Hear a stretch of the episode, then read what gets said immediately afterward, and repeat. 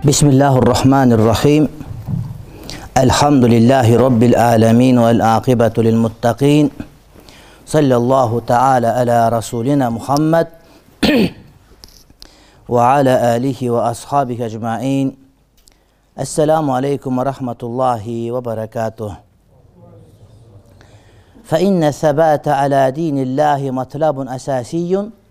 لكل مسلم صادق يريد سلوك الصراط المستقيم بعزيمة ورشد аалымыбыз айтат аллах тааланын дининде бекем болуу сабат бекем болуу деген сөз бул ар бир чынчыл мусулмандын негизги талабы динди туура кармануу ошол динде бекем болуу ар бир чынчыл мусулмандын талабы Эптеп эле динди кармаш керек болуп эмес балким ошол динде бекем болуп түз болуп аллах таала каалагандай жүрүү пайгамбарыбыз каалагандай жүрүү ар бир мусулмандын талабы. Ошондуктан кантикенде диниме бекем болом деген суроо ар бирибиздин башыбызды урматтуу бир туугандар сөзсүз түрдө оорутушу керек болот. Анткени азыркы учурда мусулмандар жашап аткан э, коомчулуктун абалы коомдун абалы. Э, ошондой эле фитналардын ар түрдүүлүгү ошондой эле дүнүйөнүн жана дүйнөдөгү болгон нерселердин азгырыктары э, шахваттын түрдүүлүгү. Азыр адамдар илгери шахват дегенде зынага түшүш керек болсо өтө кыйынчылык менен бара турган болсо азыр зынага түшүүнүн жолу абдан эле оңой. Көздүн зынаасы кулактын зынаасы адамдын өзүнүн зынаасы э, же болбосо андан сырткары шубхалар дагы ар түрдүү. Адамдар азыр өткөндө сабакта айттык биз интимеде моралда жанагы фейс аккаунт э аттары башка бирнекени жазып коюп өзү башка бирөө ошол жерден туура эмес маалыматтар тараткандар өтө көп болуп кеткен. Мына ошол адамдардын дагы эмне фитналары абдан көп болуп кеткен азыркы учурда. Адамдар азыр кайсынысы туура кайсынысы туура эмес экенин адамдар эмне билбей турган болуп калган заман. Ошондуктан пайгамбарыбыздын доорунан кийинки доорлордогу мусулмандарга караганда дагы бүгүнкү күндөгү мусулмандар үчүн урматтуу бир туугандар өзүнүн динине канткенде бекем болот дегенди үйрөнүп ошонун себептерин кармануусу көбүрөөк зарылчылык болот. Анткени кээ бир адамдар бар алар айласыздан такыба анткени алардын уурдай турган мүмкүнчүлүгү жок алдай турган мүмкүнчүлүгү жок бирок качан мүмкүнчүлүк берилгенде алар ууру башка бир нерсе болуп кетиши мүмкүн. Андайларды оң жагыбыздан сол жагыбыздан дайыма эле көрүп жүрөбүз. Кээ бир адамдар намаз окубаска айласы жок намаз окубай турган жерге жеткенде эле дароо намазын таштап койгон же болбосо акчаны кармап чөнтөккө сала турган мүмкүнчүлүк болгондо дароо салып койгондугун баардыгыбыз көрүп билип жүрөбүз анткени азыркы учурда чындап эле урматтуу бир туугандар шубухат менен шахават өтө күчөгөн мезгил. Азыркы учурда мурдагы заманга караганда муртат болгондордун саны көбүрөөк. Мусулман болуп болмуш этип андан кийин динден чыгып кеткендердин сандары катталып калды артына кайтып кеткендер мусулманчылыктан ошондой адамдар дагы болуп калды. Ал эмес исламга даават кылып исламга кызмат кылып исламдын кызматында жүргөн кээ бир адамдар дагы аркасына кайтып кеткен учурлар катталып калды.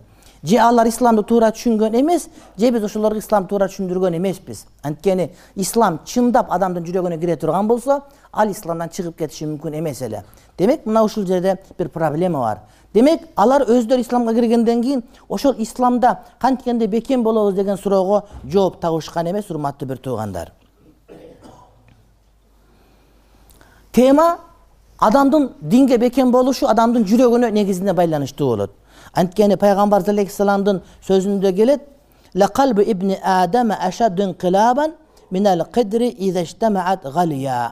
имам ахмад имам хаким риваят кылган бул хадисте пайгамбарыбыз алейхисалам айтат ибну адамдын жүрөгү адам баласынын жүрөгү дейт жанагы казан толук кайнап аткан учурдагыдай дейт да. Кээде суу бул жака акып кээде суу бул жака кайнап атканда суу буркан чайканып түшкөндөй адамдын жүрөгү ошондон дагы дейт мындай бир жанагыдай алмашып тура турган дейт да тез эле жүрөктөр эмне? Тетир жака бурулуп калышы мүмкүн. Бир эле секундта оң жака бурулуп тетир кайра кетип калышы мүмкүн. Ошон үчүн ошол жүрөктүн өзүн тартипке салуу мына ушул маселени тартипке э, салуунун урматтуу бир туугандар эмне?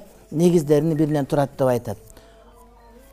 Ошондуктан аалымдарыбыз э, изилдеп чыгышып анан курани каримде пайгамбарыбыздын осуятында жана ошондой эле э, пайгамбарыбыздын тарых сира өмүр баянында канткенде динибизде бекем тура алабыз дегендин э, жолдорун айтып берет урматтуу бир тууганым ошолордун биринчиси ал икбалу алал куран куранга жүз алуу куранга багыт алуу эгерде бир адам өзүнүн дининде бекем болгусу келсе дининде түз жүргүсү келсе анда бул адамга биринчи кезекте курани карим сунуштайбыз. Кээ бир адамдар карап көрсөк дүйнөлүк философтордун акылмандардын жол башчылардын өмүр баянын окушуп ошолордо туурап ошону менен жашоодо бактылуу болгусу келет. Бирок адам бактылуу болуш үчүн ал динде толук болуш керек. А динде толук болуш үчүн биринчи кезекте адам куранга кайрыла турган болуш керек. Анткени курани карим адамдын бекем болуусунун биринчи ачкычы урматтуу бир туугандар. Э, кудай таалам курани каримде бул жөнүндө айтат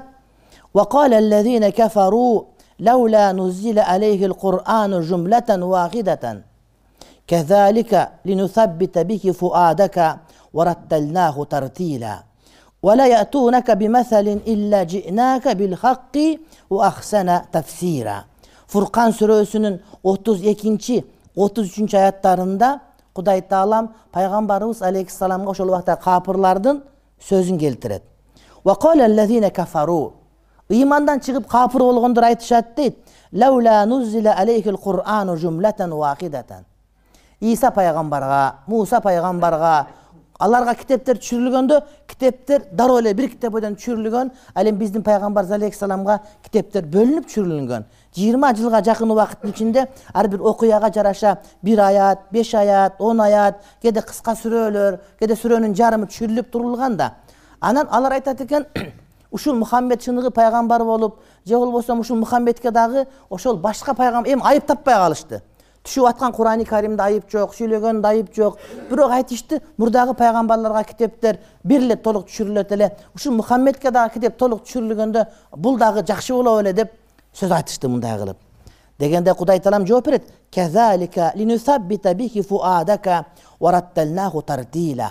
Биз сенин жүрөгүңдү бекемдөө үчүн сага куранды түшүрдүк бөлүп бөлүп. Ар бирин тартиби менен жай жайы менен кээ бир адамдар айтат ошону өз убак саатында түшүрдүк дейт.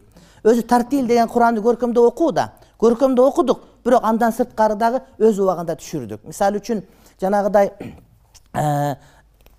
эри менен аял айтышып кетип туруп аялы зыхар кылып күйөөсү аялын сен мындайсың деп айтканда ошонун жообу катары келсе проблеманы билишет проблемага жооп катары аятты билишет дагы адамдар аят тез түшүнөт анткени аяттын мисалы көрүнүп турат. Аят жалпыбызга бирок бир окуя түшөт да эмне үчүн десе биз куранды түшүрдүк дейт. Ошентип майдалап жыйырма үч жылдын ичинде түшүрүп бердик силерге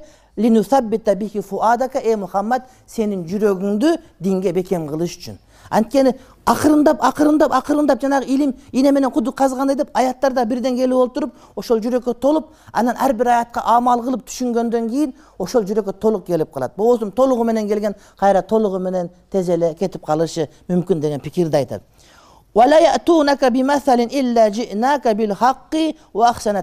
эй мухаммад дейт. Алар сага дейт кандай гана далил алып келбесин дейт. Биз андан жакшыраак далил алып келип коебуз сага дейт да чындыгында ушундай. Мурдагы пайгамбарларга китеп толугу менен бир түшкөн болсо жок биздин пайгамбарга бөлүнүп түшкөн бөлүнүп түшкөндөгүсү бул дагы жакшыраак дагы жүрөккө бекем отурат амал кылганга жакшыраак ар бир аятты өз учурунда түшүнгөнгө дагы жакшыраак дейт урматтуу бир тууганым. Демек бир адам ошол динге бекем болгусу келсе анда күн сайын өзүнүн вирди болуш керек курани каримден окуп туруш керек.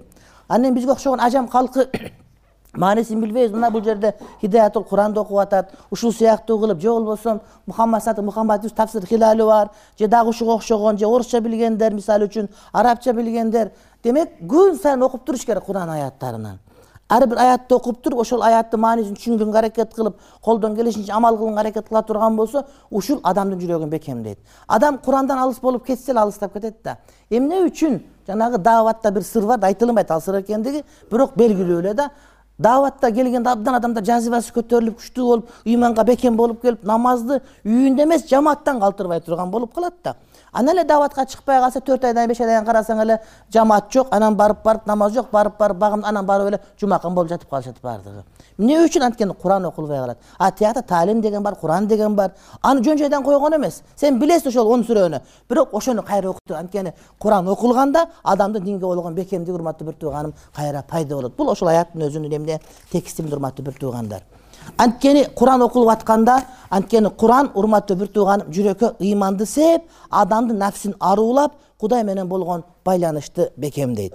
Ошондой эле урматтуу бир туугандар ошол аят окулуп атканда ошол аят момундун жүрөгүнө саламатчылыкты жана ырахат жыргаалчылык тартуулайт адам жүрөгүндө кыжаалат болот башка болот заманды көрөт аны көрөт муну көрөт. Эми заманды көрбөйт заманда адамдардын пейилин көрүп туруп анан кыжаалат болуп эртең балдарым кантет экен өзүм кантет экем деген кыжаалачылык жүрөктү эзип коет да. Эгерде бир адамдын жүрөгүндө куран окулуп тура турган болсо ошол куран адамдын жүрөгүнө бейпилчилик алып келет. Жүрөгүнө саламатчылык алып келет. Амандык алып келет дагы анан адам динге бекем болот. Мына ошондой эле урматтуу бир тууганым курани карим адамдын түшүнүктөрүн оңдойт баалуулуктарды ага берет. Кээ бир адамдар жашоосунда принциптери бар да эч качан бирөөдөн сөзгө жыгылбашым керек деген. Эч качан бирөөдөн төмөн түшүп калбашым керек деген. Эч качан сөз айтсам сөздүн кулумун аткарышым керек. Ката болсун туура болсун айырмасы жок аткарышым керек деген бир болбогон принциптер менен адамдар жашай берет да. Азыр деле көбүбүз карасак ушундай да туугандарга сөзсүз акча кошуп барышым керек алар мага сөзсүз түрдө келиш керек эртең менен сөзсүз түрдө мындай кийишим керек менин машинам баардыгынан жогору турган болуш керек мен төрдө отурушум керек деген кээ бир принциптер бар. Эгерде бир адам курани каримди туура окуп түшүнө турган болсо ошол принциптер өзгөрөт. Адамда урматтуу бир туугандар туура принциптер туура баалуулуктар туура түшүнүктөр туура дөөлөттөр келип баштайт. Ошон үчүн курани карим окуганда өзүнөн эле эмес балким ошонун маанисин котормосун тафсирин окуганга аракет кыла турган болсок демек түшүнүктөр жаңылана берет да. Мисалы үчүн э, даараткана маселеси боюнча акрамакумулла ошол үйгө даараткана курганды илгертен жаман көрүшөт дагы алыска салышчу. Анан үйдүн ичинде даараткана болобу деп такыбалык кылышып ошол дааратканан урматтуу бир тууганым салбай келишкен эми шаарга келсе баардыгы эле жыргап даараткана жакын экен салып көнүп алышты. Кайтышты принциптерден. Афганистан ошондой болгон экен биз дагы ушундай болгон да урматтуу бир тууганым же болбосо мына динди туура эмес түшүнгөндөн мынакей жанагы бизде жанагыдай эме болгондо э, жанагы эмне болгон бизде он жетинчи жылдары качканда? Үркүн болгондо балык толтура сууда турат балыктын адал экендигин билбей өкүмүн билбей ачкадан өлүп калды. Ошондо балык жешти билгенде эч ким ачкадан өлбөйт эле урматтуу бир тууганым ата бабабыз балык жеген эмес э балык деген курт куртту адам жеши беле деген түшүнүк менен ушинткен да. Ошондо бир эки балык жеп калгандар аман калышкан урматтуу бир тууганым бирок адамдар ошондо адамдын этин жегенге чейин барышкан. А болбосо сууну бойлоп кеткен баардыгы суунун ичинде сөзсүз түрдө форель жанагыдай королевский башка бир нерселер сөзсүз деле болгон аны жешкен эмес да биз курт жебейбиз курт арам деп. Анткени шарияттан динден кабары жок бул урматтуу бир тууганым көрдүңөрбү? Адамдарды кээде туура эмес принциптер өлтүрүп коюшу мүмкүн. Ал эми куран адамдагы баалуулуктарды түшүнүктөрдү оңдоп турат. Ошону менен өзүнүн абалын өзүнүн айланасын урматтуу бир туугандар эмне оңдоп кое турган болот. Демек куранды окуп туруш керек анын тафсирлерин окуп туруш керек адат кылып алыш керек. Күнүгө он аят окуйм ошонун маани же бир аят окуйм болду жетет бир аят деле. Ошондо деле бир айда отуз аят болгон болот да табаракты бир окуп койгон болосуң бир аят окусаң ошол аятты түшүнсөң маанисин сага ошол жетиштүү иншалла ошол менен жүрөктү бекемдеп кете бере турган болосуң ошондой эле адамды дейт эгерде куран окуй турган болсо адамга туура таразаны берип коет. Туура тараза кандай? Адам бир нерселерди туура баалаганды билет адам уруучулдуктун негизинде же уруучулуктун негизинде же болбосо өзүнүн бир үй бүлөсүн алып калган туура эмес тарбиянын негизинде эмес балким исламдын таразасы менен э, мындай боло турган нерсени таразалаганга туура келе турган болот да. Кечээ бирөө чалып атат бир кыз менен бир жигит сүйлөшүп алып анан эмдиги үйлөнбөк экен бирок быйыл экөө жашап алыптыр дейт. Анан мага нике кыйып бер деп келди дейт. Эми ошолор зынага түшүп калбасын деп никени кыйып кое берейин деп молдоке ойлоп мен айттым сен биринчи өзүңү куткар анан бирөөнү куткар. Ал ата энеси жок. Ата энесине кабар айтпай туруп нике кыйылган никени болбойт деп фатва чыгар азыркы учурда биз. Ошон үчүн сен ага биринчи өзүң куткарып ал сен. Атаңа айт анан турмушка чык деп айт. Анан бирөө зына кыз апарып халалдап коем деп эле скорый помощь болуп чуркап барып эле никесин кыйып бергенге андай жол жок. Айт эрге тийсе ачык тийсин. Болбосо ушул жерден токтосун дагы тийген учурга чейин күтүп отура турсун сабыр кылып. Туура ушул урматтуу бир туугандар ошон үчүн адам куранды туура окуп курандын маанисин алса адам туура таразалайт бир нерсени. Кээде карап көрсөң атаң менен агаң абаң же апаң менен абысын жеңең ошолор өмүр бою катташпай калышкандар бар. Карасаң болор болбогон бир нерсе үчүн тойго бир нерсе алып келгенде азыраак нерсе берип койгон үчүн. Эгерде куранды туура түшүнгөн болсо адамдын түшүнү таптакыр бөлөк болмок да. Кээ бир адамдар тойго барат урматтуу бир тууганым бир таанышыбыз тойго барат. Ошол тойго барып жүрүп процент алып тойго барат экен анан жыл бою иштеп ошону кутула турган. Андан көрө акча апарбай эле азыраак апарып койсоң сени бирөө урушпайт деле башка деле кылбайт эле көрдүңбү? Сенин көз карашың оңдомоюнча сенин жашооңдо акча канчалык көп болбосун баары бир бактылуу боло албайсың да. А курани карим сенин түшүнүгүңдү оңдойт сенин баалуулугуңду оңдойт сенде принциптерди андан кийин сенин таразаң оңдоп берет. Сен туура таразалашың керек урматтуу бир тууганым. Бир кыз өзбекстан тарапта туугандары бар экен кан жаңыртабыз деп берген кеткенде ыйлап кеткен мына жакында ооруп өлөйүн деп атыптыр азыркыга чейин ата энесине нааразы ыйлап атат анткени тууган сөөк жаңыртабыз деп кыз каалабагандан карап берген бир канча балалуу болгон мына бүгүн дагы ооруп атат. Ошондо нааразылыгын айткан азыр мына кырк жыл болду кырк жылга чейин ата энесин каргап келет да мен ата энеме нааразымын ушинтип күйөөгө мени берген да. Анткени булар туура эмес түшүнүк менен берген ошентип түшүнүк менен кызды бере берсе кыздын нааразылыгы болсо анда нике болбойт? Аслында нике болбойт ал жерде урматтуу бир тууганым э? Ал жаш кыз болсо экен бир жөн акыл эси жок болсо экен бир жөн бирок балага тишкен кызды мажбурлап берген өзү макул болгон эмес ушинтип берип коюшат. Ошон үчүн булар курани карим окуш керек. Эгерде бир адам куранды окуп туруп өзүнүн түшүнүктөрүн өзүнүн баалуулуктарын өзүнүн таразаларын оңдоп ала турган болсо бул адамдын иши менен сөзү бири бирине хилаф келбейт бири бирине каршы келбейт дайыма сүйлөшүп чыга берет. Сөз чынынан бузулбайт деген сөз мына ушуга келип такалат. Анткени сенде тараза туура. Ошо таразага саласың ошо менен кете бересиң. Сөзүңө ишиң каршы чыкпайт эки жүздүүлүк болбойт. Кандай ишке келген болсоң аманат толук аткарган болосуң. Аслында ылайык эмес ишке сен өзүң келгиң дагы келбей турган болот. Андан кийинкиси дин душмандары диндин тегерегинде козгоп койгон ар кандай шубха күмөндүү нерселер сен окуган сайын жуулуп кете бере турган болот. Азыр көпчүлүгүбүз мусулманбыз дейбиз. Бирок урматтуу бир тууганым кээ бир түшүнүктөрүбүз бар ошол бизге капырлардын киргизип койгон түшүнүгү бизге орун алып калган ошол нерсе аркылуу исламды көрөбүз түшүнөбүз.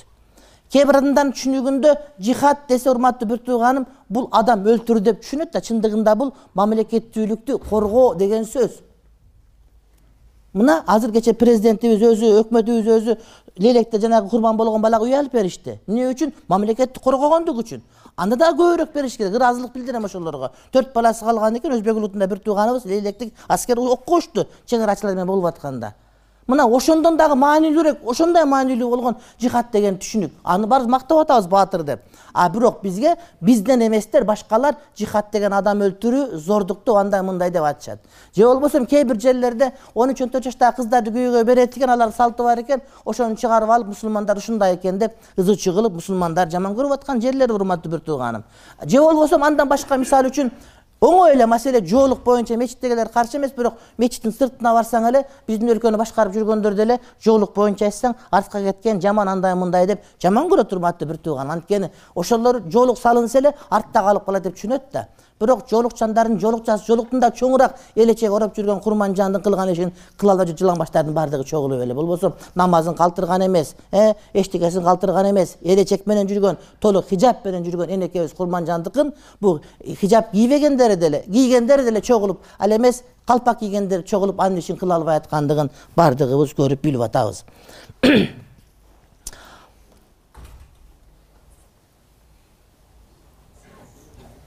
Курани каримдин өзү пайгамбарыбыз алейхисаламдын дагы жүрөгүнө токтоолук берип динде бекем турушуна эмне урматтуу бир туугандар колдоо көрсөтүп турган. Күндөрдүн бир күнүндө пайгамбарыбыз алейхисаламга жебрейил периште азыраак келип калды. Келип турат эле. Өмүрү бою келип турду. Анан бир эки ай үзүлүп калды. Адамдардын баардыгы мухаммадун мухаммад ташталынды болду жебрейил келбейт. А мурдагы бирөө алдап аткан минтип эле болду эми мунун аркасынан пайгамбар болбойт деп капырлар сүйлөп аткан учурда кудай таалам курани каримде аддуха сүрөсүндө үчүнчү аятында айтты деди адамдар мухаммад ташталынды. Мухаммадка жебирейил келбей койду. Болду эми иши бүттү мунуку. Баягы пайгамбарчылык жок болду деп сүйлөп аткан учурда анткени мамиле мамиле эмес балким жебирейил периште келген эмес эле. Канча бир убакытта өзүнүн хикмати бар аят анткени ошого чейинки өкүмдөрдү сиңдирип алыш керек эле же башка мисал бар эле урматтуу бир туугандар. Ал деген сөзү ма таракака набию роббука абгадака анка сени таштаган жери жок. Жана сага вахийдин бир аз кечеңдеп калуусу бул деген сага кудайдын ачуусунун келген жери жок деген аят түштү.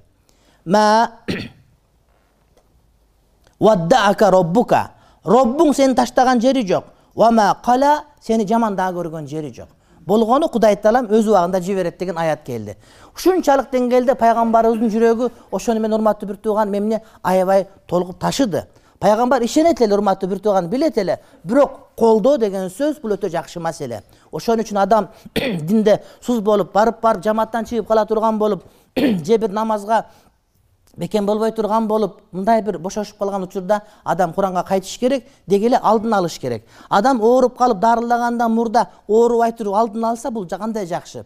Өмүр бою спорт менен машыкса башка болсо эч качан ооруканага барбаса бул арзан дагы түшөт жана өзү үчүн дагы абдан жакшы болгондой эле ошол ошентип динден бошошуп калганга чейин адам баласы алдын алып куран менен дайыма байланышта болуш керек. Адат кылып алыш керек. Жатаардын астында мен үч аят окуйм ошонун маанисин түшүнөм анан бир дептер алып жазып алам. Мен сабакка келгенде кээ бир таксыларыбыз дептирап келип жазып отурганын көрүп сүйүнөм кадимкидей анткени ошол илим ырыскы кээде өзүң айтып алып туруп өзүң уккансың кайра эсиңен чыгып калып бирөөдөн уксаң жаңы уккандай э ушундай бекен деп оозуң угуп отура бересиң анткени ырыскы ооздон чыгат кээде өзүң аны өзүң эптей албай калган учурлар кадимкидей бирөө келип сурайт да карап туруп ушундай бекен десем каякта алган десем сабактан уккам дейт да мен айткан болом өзүм өзүң унутуп каласың кайра ошон үчүн урматтуу бир туугандар эч кандай андан эме мындай бир кыжыла жазып туруш керек деген сөз.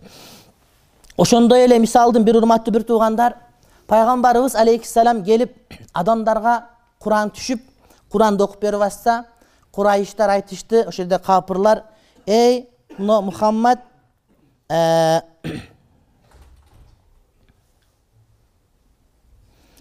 рум азыркы туркия италия турган тараптар ушул тараптык бир меккедеги жыгач уста бар румдук. Ошол римдик жыгач устадан үйрөнөт куранды өзү ал жыгач уста арабчаны түзүк билбейт. Эми жыгач уста чала бучук сүйлөйт мынаны мынаны билет. Бирок арабча түзүк билбеген адам бирок меккедеги курайыштар ушуну айтышты урматтуу бир туугандар э мухаммад деди ага кудай түшүргөн жери жок бул римден келген бир жыгач уста бар меккеде турган. Ошондон барып угуп укканын айта берет адамдарга деген сөз таратышты. Мухаммед пайгамбар ага моюн сунган жери жок. Бирок адамдар кээ бирлери ошону угуп ушундай бекен чын бекен а деп кыжалачылыкка эмне түшүп баштады. Ошондо кудай таалам накыл сүрөсүнүн жүз үчүнчү аятында мындай деген аят түшүрдү.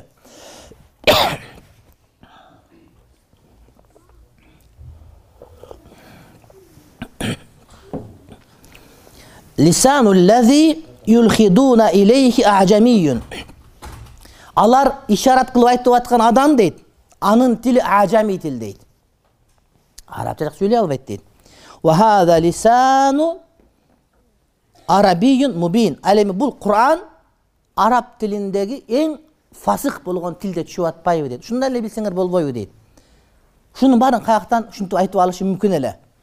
Деген фитнаны урматтуу бир туугандарым куран өзү басып өтүп кетти.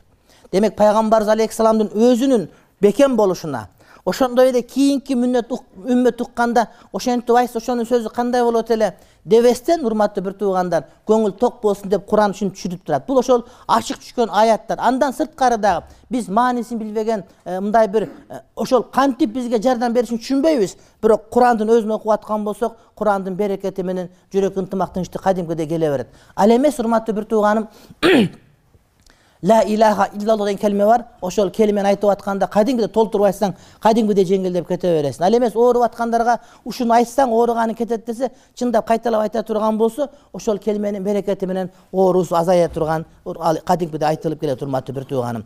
Мына ошол курани каримде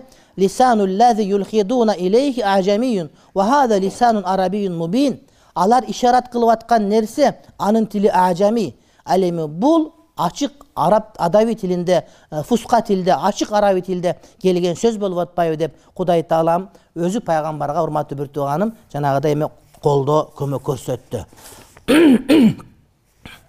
Андан сырткары пайгамбарыбыз алейхисаламдын убагында жихад болуп ошол жихадка чыга турган болгондо бир мунафык келип айтты.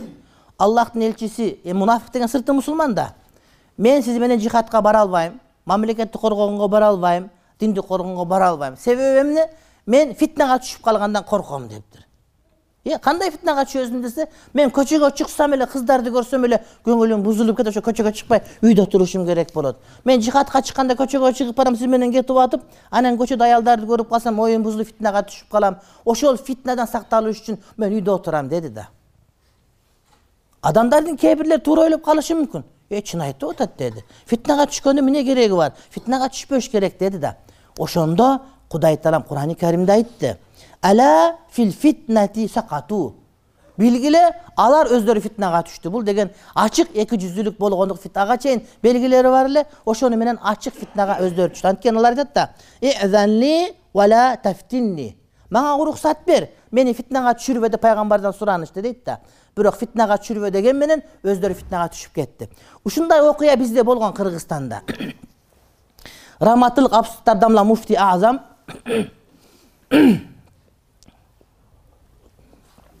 такыба киши ошол айтат.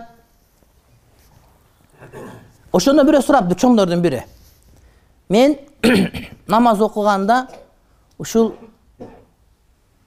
мечитке барганда элдер менин намаз окуганымды көрсө мен намаз окуганымды көрүп атышат деп мындай рыя болуп кетет кожо көрсүн болуп кетет. Ошон үчүн эмне кылчу дамыл айтыптыр? «Э, рыя кылбаш керек рыя арам дептир да. Десе бул өзүнө фатва чыгарып алыптыр. Демек мечитке барып намаз окусам рыя болуп калат экен демек мечитке барбашым керек экенмин деп фатва чыгарып алыптыр. Анан бир күнү телевизордон сүйлөп атат мен деле намаз окуйм керек болсо. Бирок мечитке барбай окуйм мен эмнеге мечитке барбайсыз анткени мечитке барсам рыя болуп калгандан корком мен.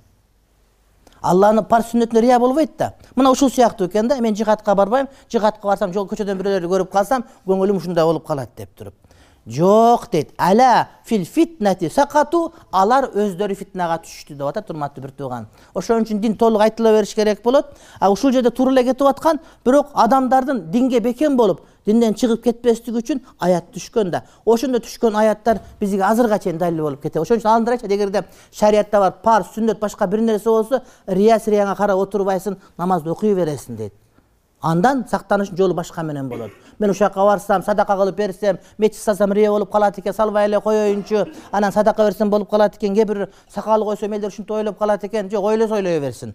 Пайгамбардын сүннөтүндө кудайдын шариятында рияга орун жок урматтуу бир тууганым. Рыя болсо жүрөгүңдө анан оңдоп алыш сенин колуңдагы милдетиң болуп эсептелет ошон үчүн урматтуу бир туугандар э, курани карим менен жашап аны тилават кылып аны жаттап аны тафсир кылып аны тадаббур менен түшүнүп окуган адамдар менен анан курани каримди жөн эле бир адамдардын сөздөрүндөй кылып адамдардын сөздөрүнө көбүрөөк маани бергендердин ортосундагы айырмачылыкты ушуну менен билип алыш керек болот. Э, кудай таалам баардыгыбызга жакшылык берсин. Өзү бул урматтуу бир тууганым көп нерсе бар.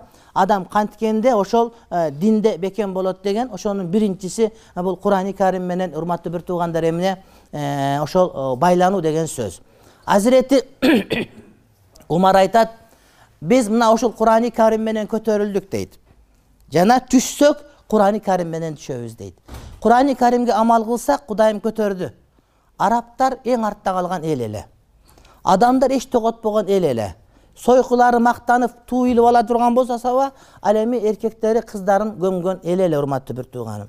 Буларда болор болбос нерсе үчүн кырк жылдап элүү жылдап бир муун бир муун согушкан эл эле бирок дин ушуларды ушундай көркөмдүккө чыгарды. Биз ошону менен адам болдук жогоруга чыктык жана түшө турган болсок мына ушуну таштап койгон менен түшөбүз дейт да.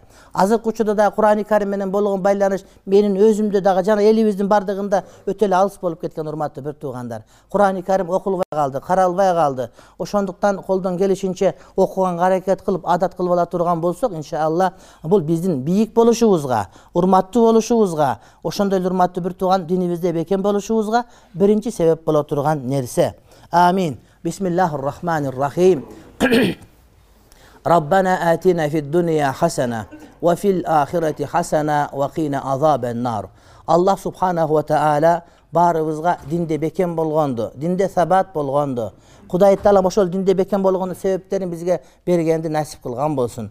Курани каримди окуп ага амал кылып ошону менен жашап курани каримге махабат кылганды кудай таалам насип кылган болсун. Малезия индонезия деген жерлерде автобузга чыккандар олтурса токсон пайыз адам куран китеп көтөрүп отурат экен. А бизде жүз пайыз телефон кармап отурабыз. Молдосу деле молдо эмес деле кудай таалам ошол телефондун ордуна курани каримди көтөргөн насип кылган болсун. Алымдардын биринен сурашыптыр биз качан бактылуу болобуз? десе курани каримге мамилеңер бүгүнкү соткаңар менен болгон мамиледей болгондо деп. Эгерде биз сотка телефонго кандай мамиле кылабыз кандай махабатыбыз бар ошону кантип урматтайбыз кантип жакшысын тандайбыз аны иштеткенди кантип жакшы билебиз баардык жанагыларын жакшы билип алгандай эле куранга ошондой мамиле кылганда анда үммөт бактылуу болот дейт кудайым ошол телефонго мамиле кылгандай андан жакшы мамиле кылгандай кылганды куранга баарыбызга насип кылсын. Раббана атина фи дуния хасана ва фил ахирати хасана ва кина азабаннар. Амин амин амин. Бирахматика архамар рахим